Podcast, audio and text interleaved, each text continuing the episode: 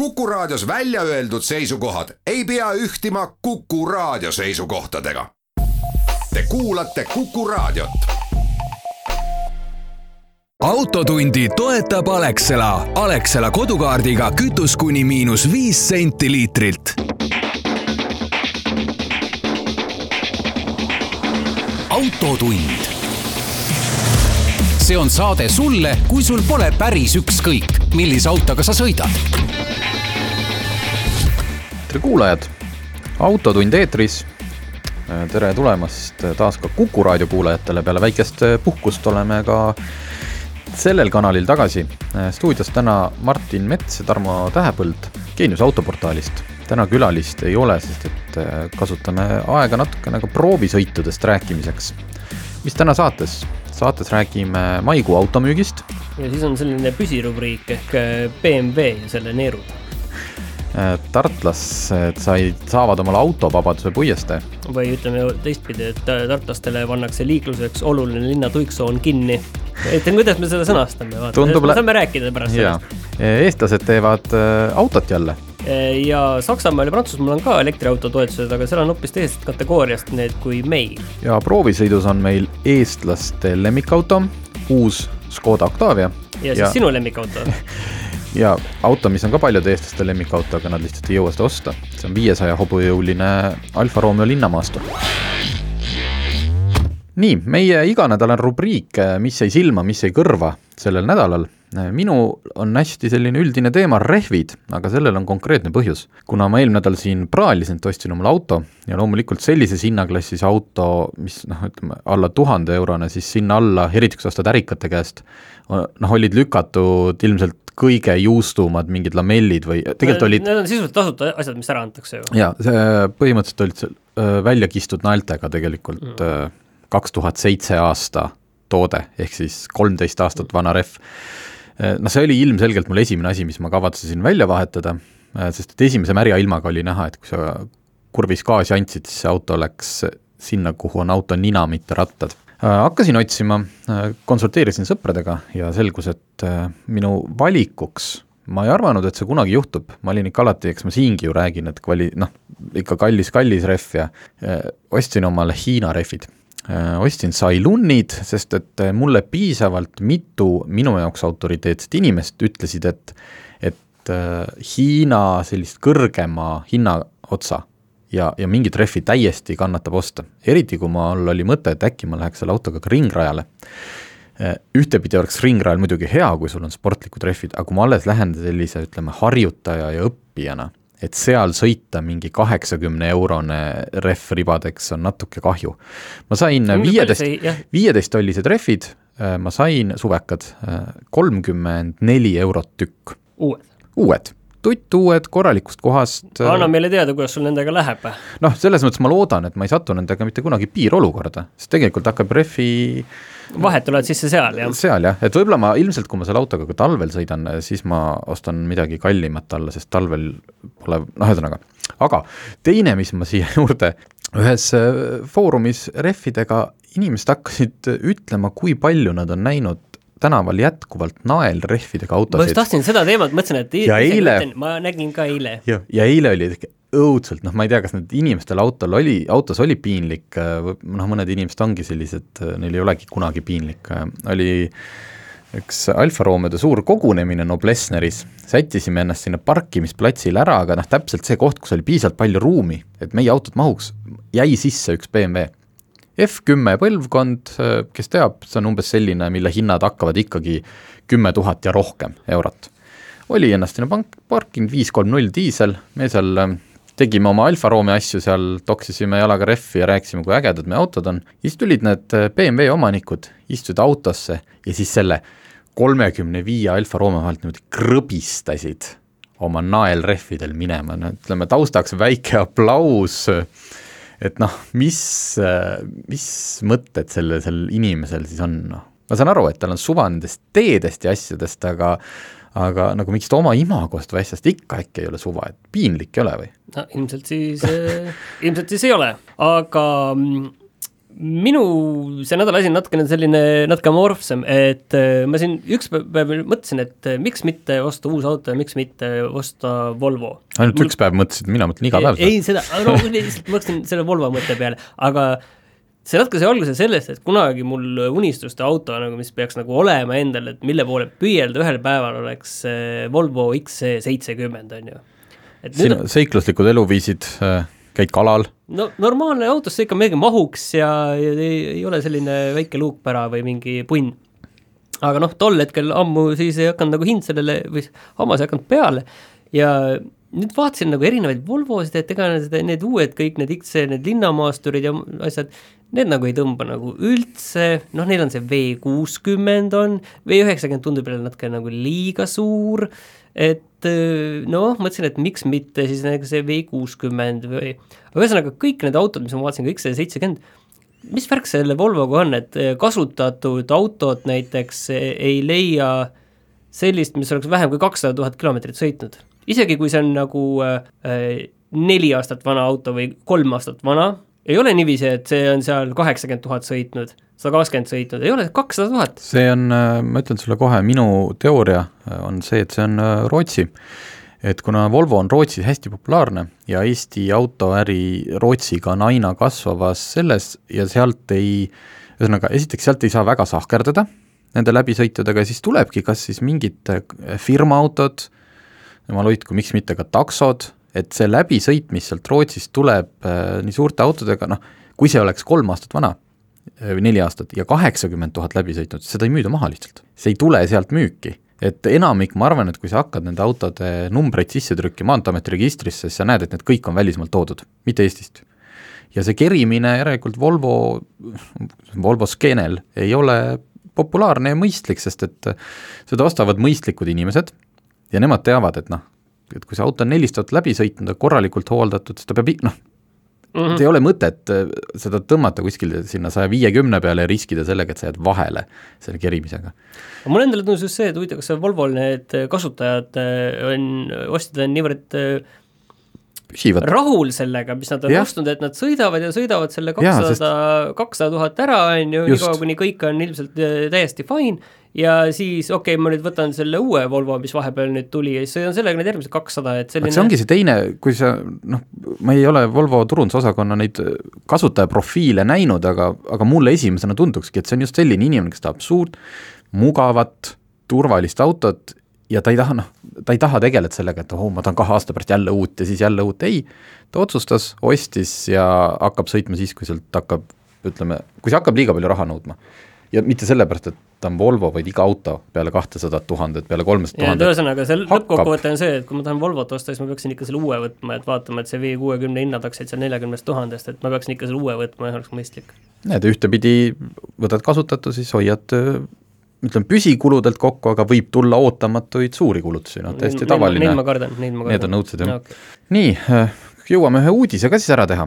Ongi, ega siin palju rääkida ei ole, maikuu automüük, et kui meil käis siin äh, paar saadet tagasi või mõni saade tagasi Jussi Pärnpuu, kes on Auto100, mis müüb Škodasid ja Porschesid ja Bentley'd, äh, juhatuse liige, siis tema hinnang oli tegelikult selline, et see, mis me aprillis nägime, see väga suur kukkumine, et et maikuus või, või lähikuudel võib see isegi veel suurem olla, sellepärast et aprilli jäi väga palju nii-öelda kummipaela, noh. no sellist asju, mis oli varem ette müüdud, aga nüüd selgus siis, et et asi nagu nii hull ei olnudki, et maikuus ikkagi müüdi natukene rohkem kui aprillis paarsada autot et äh, ühesõnaga, hea uudis on vist see, et kukkumine ei tulnud suurem, kuigi ta ennustas seal ka, et juba kummipael võib olla siia maikuusse välja, aga ega nagu midagi rõõmustada ka ei ole, sest võrreldes eelmise aasta maiga on ikkagi kuuskümmend protsenti vähem müüki. jah, kuuskümmend kaks, et müüdi Eestis siis maikuus äh, tuhat kuuskümmend uut sõiduautot. no siin on see lootus, et, äh, et seda ei ole nagu äh, äh, lihtsalt, äkki see põhi nüüd käis ära? jah, et ega ju me oleme realistid, ega me kõik näeme, et see, see number lähiajal ei kerki sinna mitme tuhande juurde, nagu ta oli varasematel kuudel. nii, aga teeme väikse pausi ja siis oleme Autotunniga tagasi.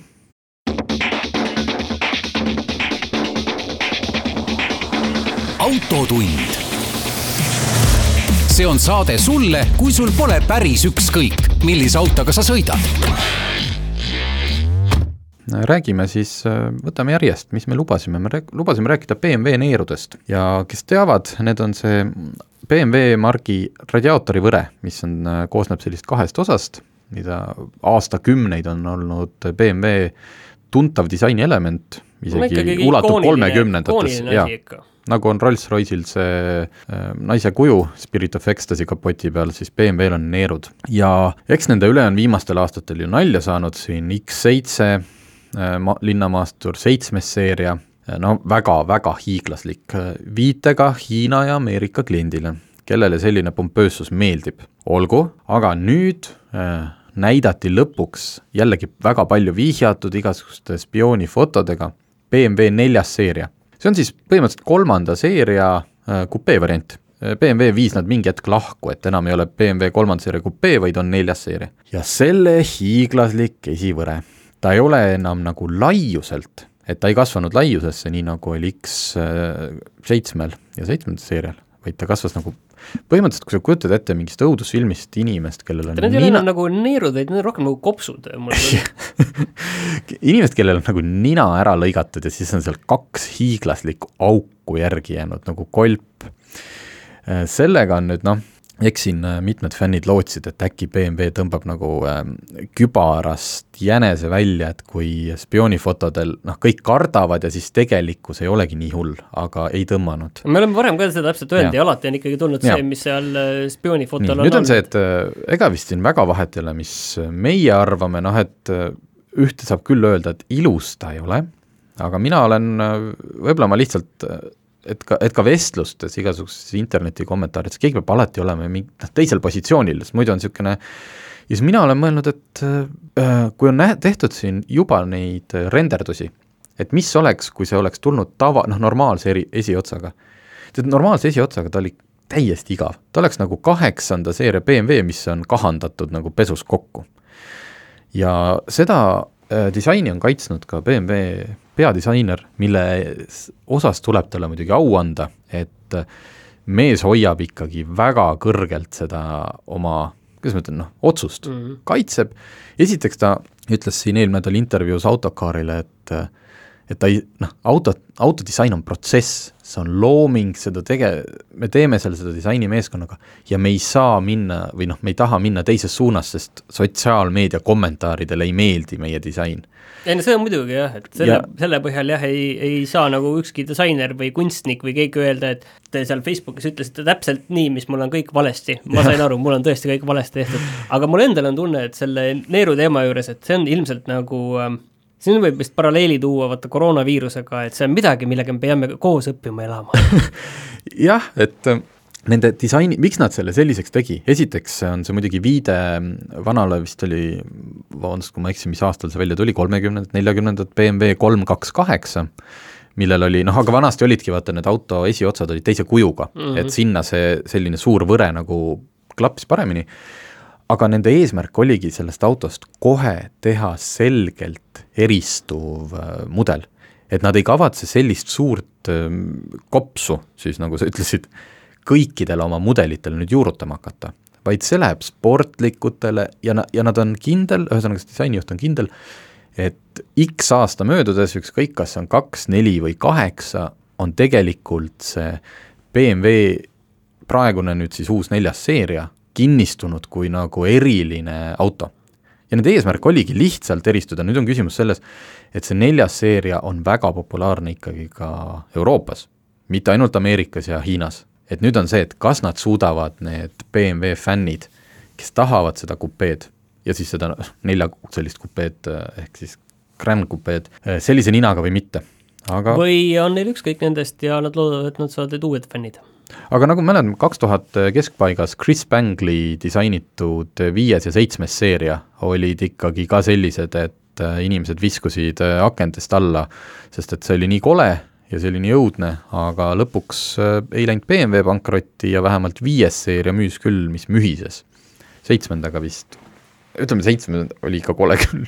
nii, Tartus, sina ütlesid, et üks oluline liikluseks oluline linna tuiksoon pannakse kinni. linna tuiksoon pannakse kinni, mina ütlesin, et Tartu saab autovabaduse puiestee no meil mõlemal on õigus, selleks, et tartlased saaksid sellise hiiglasliku, ma ütleks, Raekoja platsi laienduse sinna Emajõe äärde. ütle nüüd, mis nüüd kinni pannakse, kinni pannakse see tänav, mis on seal äh, kui sa oled seal Raekoja platsis, sõidad mööda, siis see tänav, mis sealt on, viib sinna jah, kauba, kaubamajast, kaubamaja risti välja. kaubamaja ristist siis sinna Kaarsilla eest ja ma ei tea, kui palju ta sealt teisest otsast. ristist, ma arvan, et see kaubamaja sissepääs ja, ja, ja. ja see teisele poole turule, et sinna sa nagu pääsed, aga ei, ei, ma mõtlen see kar-, äh, kaubamaja Parkla ristist. jah, Parkla ristist. just, ja kuni ma eeldan, et siis sinna vanalinna alguseni, et ka sealt liiklus säiliks mm..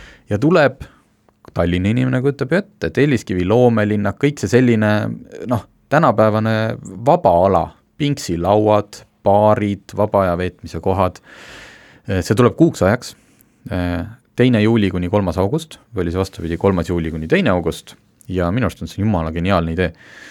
ma nüüd natukene lihtsalt noh, utreerin ja teen tartlastele liiga, aga et äh, juulikuus ja väga vabandan nende eest, kelle igapäevane marsruut sealt tõesti mööda läheb. no ega supiline inimestel, ega neil polegi vaja polegi seda autot, teisele jah. poole saada, neil enamikel pole autotki niikuinii jaa, et äh, lihtsalt, et, et katse mõttes seda juulikuus ühe korra teha, et, et on ju kogu aeg linnas ka teeremondid, noh et selles mõttes, kui see, kui see auto või see Vabaduse puiestee pandaks kinni mingiks teeremondiks, siis ju ka elu ei jää seisma. no tegelikult seda, seda kohta seal pannakse kinni ju tegelikult äh, päris sageli. igasugused jah, rahvaüritused, rattasõidud, maratonid äh,, et äh, kontserdid, et seda on varem ka seal kinni pandud ikka ju aeg-ajalt. jah, et minu arust on see geniaalne idee äh,, näitab ära, kas see oleks võimalik ka näiteks pikemaajaliselt järgmine aasta teha, võib-olla juuni algusest kuni augusti keskpaigani võib-olla on tallinlastelgi siin oma äh, nii, aga peatänavaga aga midagi tuleme tagasi nüüd selle minu selle probleemi juurde, et et Tartu linnavalitsus saatis selle kohta väga toredat teate kas nad ka kirjutasid, et äh, kuidas ümber sõita soovitatakse? ma soovitaksin kollaste noolte järgi, nii nagu tavaliselt ah,. No, ei, ma ei tea, no see on see, kui sa tuled sealt, kui sa oled juba seal üle jõe pool, seal Narva maanteel, noh siis neid sildu on ju Tartusse ei, tehtud jah. nii palju juurde, neid ümbersõite ja no näis, lähme huviga sinna vaatama, mina tahaksin küll minna juulikuuks, kui ma ei oleks omal juba puhkust planeerinud, siis ma läheks töötaks Tartust äh, autovabaduse puiesteelt. vot, äh, mis me siia võtame? Äh, võtame Saksamaa ja Prantsusmaa elektriauto toetused. Nonii, Eestis oli see siis viis tuhat eurot miinus äh, käibekas, neli tuhat. neli tuhat peale, neli tuhat kakssada. ainult, et siin oli, Eestis oli sees oluline vahe, et Eestis oli see väga piiratud arv, kogusele autodele. paarsada autot siis oli. jah, mis oli väga piiratud kogus kuni selle ajani, kui kriis tuleb, nüüd nad lükkasid selle teise vooru edasi sügisesse, kuigi see pidi olema juba maikuus, eks siis näha, kas teise, ühesõnaga esimesest voorust kõik ei saanudki, kes tahtsid. kas sügisel on see huvi taastunud? nii, aga palju siis seal antakse?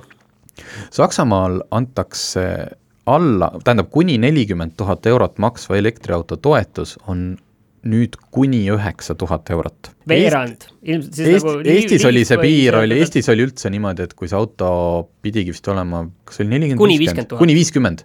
ja üle selle sa ei saa üldse toetust. kuni viiskümmend vist oli ilma käibega, et seal mingi viiskümmend viis tuhat ja need mudelid sattusid ka veel sisse. just, et üheksa tuhat eurot, seal on öeldud niimoodi, et see riigipoolne toetus äh, suurenes aga lisaks on seal, ma ei saanud sellest lausest täpselt aru ja ma ei jõudnud selle süveneda, et on ka koos siis tehasepoolsete mingite vastutulekutega, ma ei tea, miks nüüd tehas veel omakorda siis või on siis tehas saab riigilt mingit toetust, ühesõnaga üheksa tuhat. Ja kui teil tundub, et see on väga palju, esiteks seda ongi, mõelge, äh, praegult ju need elektriautod Eestis ka maksavad tegelikult alla neljakümne tuhande, saab väga korraliku kolmkümmend tuhat masin, sealt sada üheksa alla, kolmandik alla. jah, et kui sa võtad Peugeot kakssada kaheksa, noh sest Volkswagenit meil ei ole veel no kohal. viimane Leaf, äh, mis oli ka kolmkümmend jupp peale et.... eks ju, võtad sealt üheksa tuhat maha, siis on ju siis või siis äh, Volkswageni e-up, mille kohta vist Alan Vaht ütles, et täitsa okei okay auto, pool maha, peaaegu pool, on ju, see on kakskümmend kaks tuhat vist oli. aga Äh, Saksamaal saab toetust ka kallimatele, aga lihtsalt siis see toetushulk väheneb, et saad ikkagi osta ka Audi e-troni ja teisi, aga selle peale ma, oli seal artiklis toodud ka välja, et kui palju Prantsusmaal on. Prantsusmaal on kuni kaksteist tuhat eurot.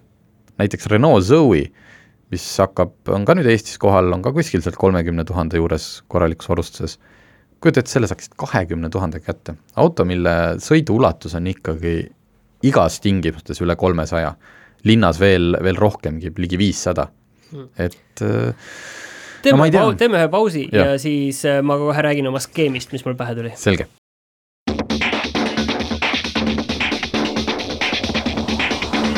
autotund. see on saade sulle, kui sul pole päris ükskõik, millise autoga sa sõidad autotund tagasi eetris, ma loodan, et teil on pastakad ja kaustikud valmis, sest Martin hakkab teile rääkima nüüd ühest skeemist. ei, mul on lihtsalt see küsimus, et äh, mäletad, meil see elektriauto toetus on ju, on väiksem ja siis olid need kohustused, et kaheksakümmend protsenti sõitudest peab toimuma Eest, meil siin, on sul ka mingit aimu, et äh, võin ma lihtsalt minna sinna Prantsusmaale Pariisi kohale ja selle kahe tuhande kaheksa või kakssada kaheksa elektrilise endale siia ära tuua või? ei, ma, tähendab, mul ei ole sulle kindlalt, aga see on raudselt sellega seotud, et sa pead kindlasti olema, sinu maksud peavad laekuma Prantsusmaale või sa pead olema kodanik või midagi sellist, et nad nüüd noh, nii, nii sõbralikud valitsused, kui nad ka ei ole, ma ei usu, et nad nüüd siin eestlaste eest no, elektriauto ostu hakkavad toetama. see lihtsalt vaata, kõlab rohkem niiviisi, et äh, neid see ei huvi-, meil olid vaata kliimaeesmärgid ja need asjad siin on ju, neid seal huvitab lihtsalt, et need autod minema viidaks, ära ostetaks, ükskõik kes natukenegi inimesed paneksid, riik paneks, et nad ära ostetaks, et lihtsalt me teeks neile teene, kui me need autod ära neilt viiks. see kõlab natuke niiviisi lihtsalt, et seal ei ole seda kliimakomponenti, see kliimakomponent on ammu juba nüüd ära unustatud tänu sellele kriisile. nii äh,, reklaamisin välja, jäime siin ennem pikalt rääkima, aga teeme siis, et eestlased ehitavad autot, et kui te nüüd kõik arvasite, et kuskile ehitatakse nurgakivi ja, ja eestlased hakkavad nobe kõrval eh, tegema veel ühte autot, siis eh, päris tõsi see ei ole. Eh, ma arvan, et me oleme seda kajastanud ka varasemates saadetes kunagi, et on üks Eesti entusiastide grupp, keda, kelle eestvedaja on näiteks Tõnis Vanaselja, kes on ka endine võidusõitja, käisin tal eelmine kevad vist või sügis korraga külas, et nad ehitavad, see on Amper Engineering ja nende eesmärk on ehitada lihtsalt üks väga, väga võimekas ringrajaauto. esialgu ainult üks eksemplar. et ringraja, mitte täiesti puhas, puhas ringraja aut-, ilma igasuguste piiranguteta. et nad ei plaani osaleda selles üheski võidusõidusarjas, ta ei pea vastama mingitele reeglitele. Nende eesmärk on teha lihtsalt selline ülim äh, ringrajaauto, millega ise siis oleks kihvt sõita ja noh, mine tea, kui nad on sellel äh, väga palju joonistusi on, väga palju renderdusi, aga me oleme nad... nagu päikeseautoga samas äh, põhimõtteliselt, aga nad on ikkagi nii, et kui ma seal külas käisin, nad on, noh, need on nii palju mudeldanud, nad on seda raami valmis ehitanud, otsustanud ja nüüd nad andsid teada, et nad on välja valinud ka juba mootori, mis sinna läheb, see on äh, Jude JUDD on niisugune võidusõidumootorite firma, selle mootor, ühesõnaga õudselt kihvt, et nad seda ikkagi teevad ja nad teevad seda hobi korras, äh, seal on inimesi, kes töötavad ka Koenigsegis, need Eesti, teadupärast on ju Koenigseg Rootsis selline väga suurelt Eesti tööjõuga esindatud, et seal on väga tugevad fanaatikud taga, kes lihtsalt teevad seda sellepärast, et see on äge ja mul oli hea meel kuulda, kui nad nüüd jagasid oma seda auto uut välimust, et, et see ei ole nagu ära sumbunud. ja lihtsalt, et mis selle auto võimekusest teile tuua näide, et äh, Pärnu ringrada see ringraja ametlik rekord, ma vaatasin, praegult oli vist üks minut kolmteist sekundit on sõidetud äh, vormel Renault'ga ühe võistluse käigus. üks minut ja kolmteist sekundit. ja Tõnis Vanaselja ütles mulle, et äh, paberil ja nende arvutused, simulatsioonid, et ta tegelikult, see auto võiks hakata sõitma alla ühe minuti. kujuta ette, tuleb no julged sõnad, julged sõnad no,. jah, kindlasti, võib-olla noh, isegi, aga kujuta ette, et tuleb vormel Renault üle finiš, tähendab, see auto tuleb üle finišijoone ja kolmteist sekundit hiljem tuleb vormel. Renault mm.. ise, sest võidusõidus me räägime tavaliselt mingitest kümnetest yeah., sajandikest. nii et päris äge, tore, et inimestel on selline hobi, aga proovisõit, eestlaste ja politsei lemmikauto, Škoda Octavia, kuigi viimase, viimaste hangetega on ilmselt suutnud Škoda politseile lausa superbid äh, sinna sisse mahutada. aga noh, maailma kõige mõistlikum äh, pereauto üldse. nii, äh, siis äh, sedaan mina sõitsin sedaaniga, tal klassikalist sedaani enam ju ei ole minu arust öeldud juba eelmisel põlvkonnal, vaid on see, ta on sedaani kujuga, aga tegelikult kui sa pagasiruumi avad mm., siis ta mm. avab koos selle luugiga ja on sisuliselt ikkagi luukpära äh,. täiesti uus, mitte facelift, nad tule, tulid nüüd kõik kolm äh, Škoda Octavia, Volkswagen Golf ja Seat Leon, mis on tegelikult kõik ehitatud ühele põhjale, neil kõigil on sarnased mootorid ja põhimõtteliselt ju sama omanik, Volkswagen Grupp. Golfiga, Golfist me oleme rääkinud, Seat Leon jõudis Eestisse reedel, neljapäeval oli Eestis salongis tõmmati kate, nüüd saab minna vaatama, ja siis seal vahepeal oli Octavia, millega ma käisin ja tegin väga pika tiiru Lõuna-Eestis. üle tüki aja kusjuures, tavaliselt mida näitavad nii ostunumbrid kui ka demoautod, on bensiinimootoriga tavaliselt. See ühe koma viiene DSi, eks ju, selline kõige, kõige tavalisem ja või ühe koma kaheksane. seekord oli mulle demoautoks antud diiselmootoriga Octavia, sada kümme kilovatti, sada viiskümmend hobujõudu, väga selline noh, mõistlik, täpselt nagu, täpselt selline auto, mis äh, ei jää hätta ühelgi möödasõidul, sa ei tunne, et no ta kuidagi kräunub sul ja, ja samas ei ole ka ülemäära kiire. aga noh, mis nii harva, kui sa diiselmootoritega sõita saad, siis see, kui sa oled tulnud nagu proovisõidult nädalavahetusel, igasugused kruusateed, noh ikka võib-olla kiirendad tarbetult palju, katsetad, ja sul on keskmine kütusekulu neli koma kuus. noh, kõikidel hinna, noh, see on, see on teatud selline mis, mis ja alati tekib. neli koma kuus ja see neli koma kuus ei maksa ka midagi. just, mis see oli eelmine nädal, sa ütlesid null koma kaheksa senti, eks ju. null koma kaheksa. null koma kaheksa eurot, jah. kaheksa, seitse, üheksa et tekib nagu, nendel hetkedel tekib tunne, et ah diiselautodel on mingi teatud oma võlu, see on just see numbri nägemine. Äh, muus osas loomulikult äh, läinud ka digitaalsemaks, äh, suurem ekraan, vähem nuppe füüsilisi, aga mitte, aga ta ei ole läinud nii digitaalseks kui siis golf, sest muidu ei saaks golf ennast niimoodi reklaamida ju, et no ütleks suhteliselt tavaline auto seest. et seal ei olnud, seal ei olnud tehtud mitte mingit vigurit et, et nüüd tohutult eristuda või tavaline see suur selline lai ekraan keskkonsoolist ulatub välja, võiks olla sinna uputatud, aga okei okay., nüüd sa pead küsima hakkama, sellepärast mis need hinnad on, ma vaatan, et äh, nagu ikka, vana hea, alates seitseteist tuhat üheksasada. seitseteist tuhat viissada isegi ma vaatan, mõne aga... Äh, auto, millega mina sõitsin, ma pean ütlema, oli muidugi kolmkümmend kuus tuhat kopikatega. aa, et saab äh, kaks korda väärtuse teha? see oli ikka, see oli mulle natuke üllatus, et äh, eks ma ju ikka sõidutasin seal inimesi ja ühte ja teist ja sealt hakkavad selle V kuuekümne juba, varsti tuleb juba peale bensiini aa, siis äh, küsiti 60. ka, kuna sõidu ajal ma ei teadnud selle auto hinda, hinnakirja polnud äh, kindla laekas, siis olid positiivselt üllatunud, et seitsmeteist tuhande eest saab sellise asja? ma ei jah, kujuta ette sellise raha eest. ei no natuke kallimalt, sest diiselmootor yeah.. ei, tegelikult oli see, et äh, kui ma seda Volkswagen Golf kaheksat sõitsin ja siis pärast omale komplekteerisin äh, sellise ideaalse Golfi, millega ma oleks nõus sõitma, siis äh, see oli bensiinikas, selle hinnaks tuli mul tegelikult kolmkümmend. ja ma imestasin, et ohoh, ja siis, kui ma nüüd selle Octaviaga sõitsin, no mõtlesin, no okei okay,, see on diiselmootoriga, aga no ega ta Golfist ju ikka kallim ei tule. aga tundub, et seal oli ikkagi neid, seal hinnakirjas neid asju, mida ma ise ikkagi tõenäoliselt ei paneks, oli nii palju kaasas, et see tõstis selle linna kolmekümne kuue tuhandeni. noh, muidugi, auto nagu auto ikka, aga ma, ma kardan, et see nagu ikka sa, kui te lähed seda ostma, siis te peate ikka väga ettevaatlik olema, noh nagu et mis mõttes? Et mitte, mitte nagu kõigega kaasa okay, minna. Äh, selles mõttes, et äh, mul on tutvusringkonnas äh, mitu pere ja inimest, kes on endale ostnud Octavia uuena. Ja need on üldiselt sellised inimesed, kes nagu väga palju ei sõida, keda see autovärk nagu väga palju ei huvita, aga noh, auto ju peab nagu olema. Ja siis ilmselt keegi äh, sinusugune on soovitanud, et no aga võta see Octavia, saad uue auto ja, ja täitsa okei okay ju, et noh, eks ta igav on, aga noh, te olete isegi, mõtle, et kellele see auto on, on ju, seda mulle ei soovita ju ikka soovitan. soovitad või? universaalkirjaga muidugi, mis sa sellest Volvost ikka ostad, on ikka kümme tuhat, selles mõttes, et sa vaatad küll, et su V kuuskümmend hakkab sealt neljakümnest, no lähed paned paar vajalikku asja, ma ei räägi mingist luksusasjadest, sul peab olema massaažiistmed ja paned juurde ja su see V kuuskümmend läheb üle viiekümne tuhandena. Ma vaatan näiteks, mis sellest Škodast oleksid maha saanud, noh. no ei ole ergonoomilisi ventileeritavaid esiistmeid vaja, noh. no see istmeventilatsioon Eestis on üldse selline, no kui tihti sul on vaja nagu niimoodi, et selg on märg. aga see Octavia, no kellele seda soovitada, no teeme ühe pausi, ma mõtlen korra järgi ja siis, siis ma ütlen sulle, kelle soovitada.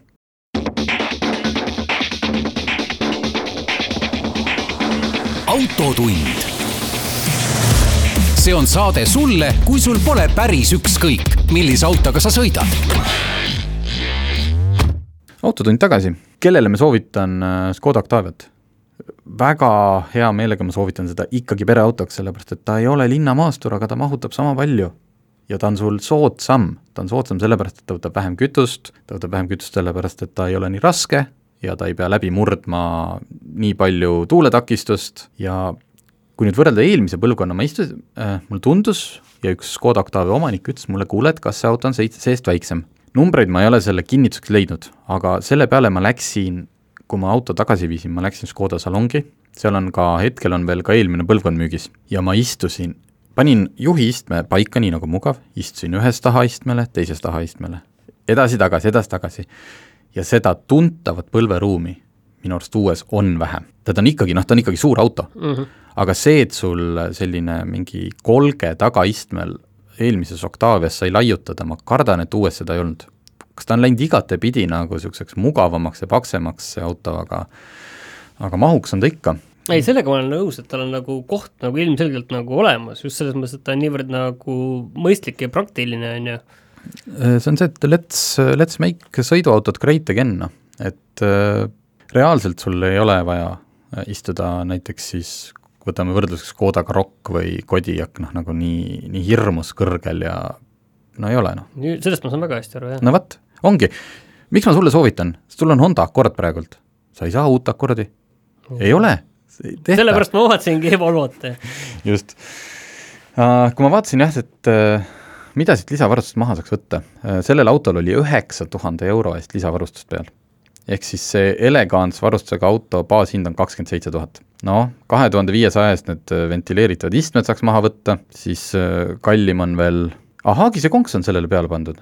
noh, seda ei ole enamikel vaja. enamikel ei ole, Haagise konksuga on see asi, et mul ka seda ei ole, aga ma tean, et et seda on vaja siis, kui sul on seda vaja. ühel hetkel tavaliselt juhtub ja siis on hilja.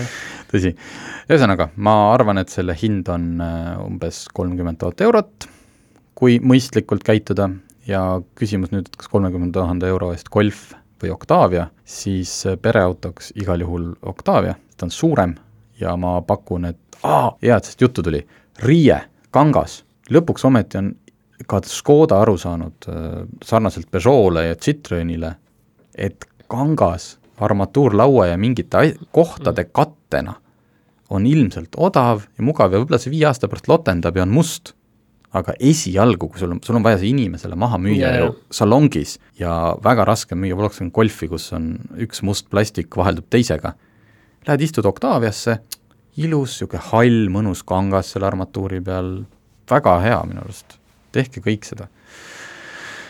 vot, raske on väga palju rääkida sellisest Eesti kõige populaarsemast autost see on nagu, siin on ikkagi vastuolu, ma näen, et see on nagu, et aga no okei okay,, ma saan aru, et mida, mida tavalisem midagi on, seda, seda keerulisem on tegelikult selle ja disainis, disainis on oluline edasiminek võrreldes sellest vahepealt, noh, mis siin eelmise põlvkonna lõpp, see kaheosalised esituled. on äh, vandenõuteooriad, et aeg-ajalt teevad autofirmad meelega selle facelifti või siis mudeli lõpuotsa natuke koledamaks. sest et arendustöö on juba tehtud, sinna ei ole lisaraha kulutatud et siis, kui tuleb uus mudel ja ilusam, siis nad saavad selle nagu hooga müüma hakata, sest et noh, nagu parem on reklaamida, sest ta on nii, nii ilus. ja ma ei tea, kas ma võin rääkida natuke äh, ka järgmisest autost? no räägi. on meil aega? jaa, aga mis, mis hinnakategooriast me üldse nüüd räägime? no me räägime hinnakategooriast, mis, ähm, et Stelviol, Alfa Romeo Stelviol ja Giulial tulid nüüd see nädal saabusid Eestisse uuenenud mudelid ja seal uuenes põhimõtteliselt kõige suurem viga, mis neil äh, varem oli, äh, meedia, kogu see meediasüsteem, esiteks ekraan oli natuke väike ja natuke aegunud ja see noh, ühesõnaga, ta ei vastanud enam tänapäevastele nõuetele. samuti seal selline noh, ma ei tea, käigukangi materjal on nüüd parem, aga mina sõitsin selle Stelvio suure võimsa viiesaja hobujõulisega, mis oli küll eelmise põlvkonna oma, aga uus tehniliselt nagu ei erine mm. nagu millegi poolest, ainult uus ekraan ja käigukang põhimõtteliselt no me räägime autost, mis on hinnakirja järgi üle kaheksakümne tuhande. Ja siis paned kellad-villad juurde, see konkreetne oli niisugune saja tuhande eurone auto. saja tuhande euro eest saad sa viissada kümme hobujõudu, täismõõdus hiiglasliku maasturi äh,, istmed, tähendab need äh, tagakülg, ehk siis et oleks eriti sportlik ja kerge, süsinikkiust, ja ja auto, mis kiirendab nullist sajani kolme koma kaheksa sekundiga ja mis veel mõned aastad tagasi oli kõige kiirem linnamaastur, mis äh, on läbinud Nürburgringi. mis see praegu siis on?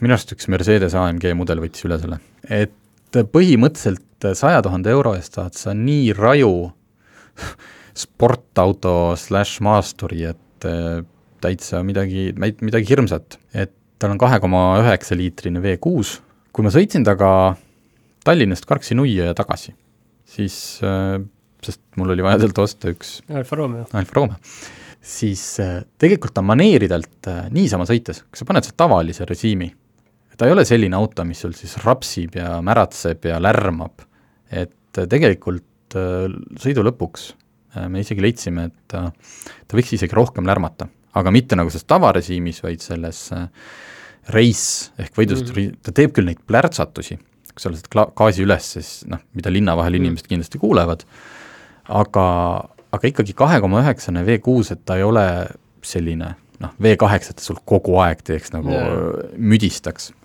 mõnes mõttes hea, saad tagasihoidlikult liigelda, aga noh, muidugi need hiiglaslikud äh, väljed, tumepunane selline Alfa Romeo maastur, et äh, tähelepanu tagasihoidlikuks ikka ei jää, on ju, sa pead sellega nagu arvestama, et seda küll, äh, mis noh, miks üldse sellist autot peaks eelistama, eeldusel, et inimene on nüüd ära otsustanud, et tal on vaja noh, hiid, hiidvõimsat hiidmaasturit, et mis on konkurendid, kui me ma just tahtsin seda küsida, jah.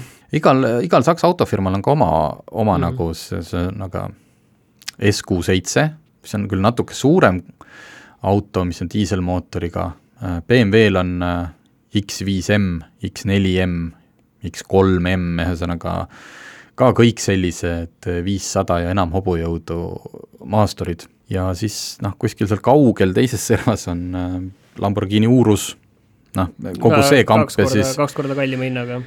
tead, kui nüüd äh, rääkida hinnakirja hindadest, siis isegi kaks pool. Hmm.. et Lamborghini Urus on võimalik ikkagi ajada peaaegu kolmesaja tuhande euroseks.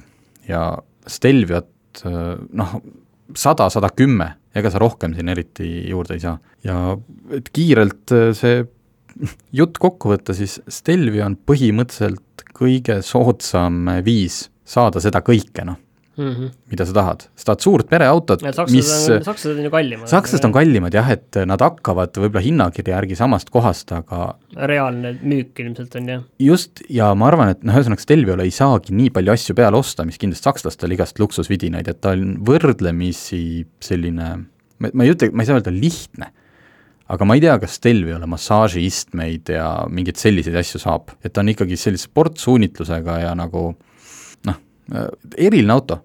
Inimesed, kes tahab erineda ja samas kõike seda nautida või, või kannatada, mis kaasneb viiesaja hobujõulise linnamaasturiga. emotsionaalne auto, nagu öeldakse nii et sinu poolt siis ma saan aru jah? ta on jah, selles mõttes, et noh, minu jah läheks ikka sellele, et kui te tahate viiesaja hobujõulist alfat, siis ostke Julia ehk siis sedaan, sest et suu-, noh, sa ei saa auto suurust varjata, sa võid panna sinna ükskõik mitusada hobujõudu, ta on suur igas mõttes, noh, ta kõigub palju rohkem, sa kujutad ette seda amplituudi, noh, kui palju ta on mm. kõrgem, kõik need asjad mõjutavad, kaal, ta on ikkagi mitusada kilo raskem kui tavaline Julia, et aga noh, paljusid see ei sega ja ütleme ka, et ega ma ju seal roolis ei kannatanud, kui ma sõitsin sellega väga mõnus üle, oli, elasin üle.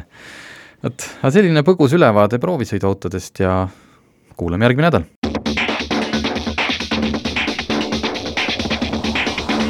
autotund. See on saade sulle, kui sul pole päris ükskõik, millise autoga sa sõidad autotundi toetab Alexela. Alexela kodukaardiga kütus kuni miinus viis senti liitrilt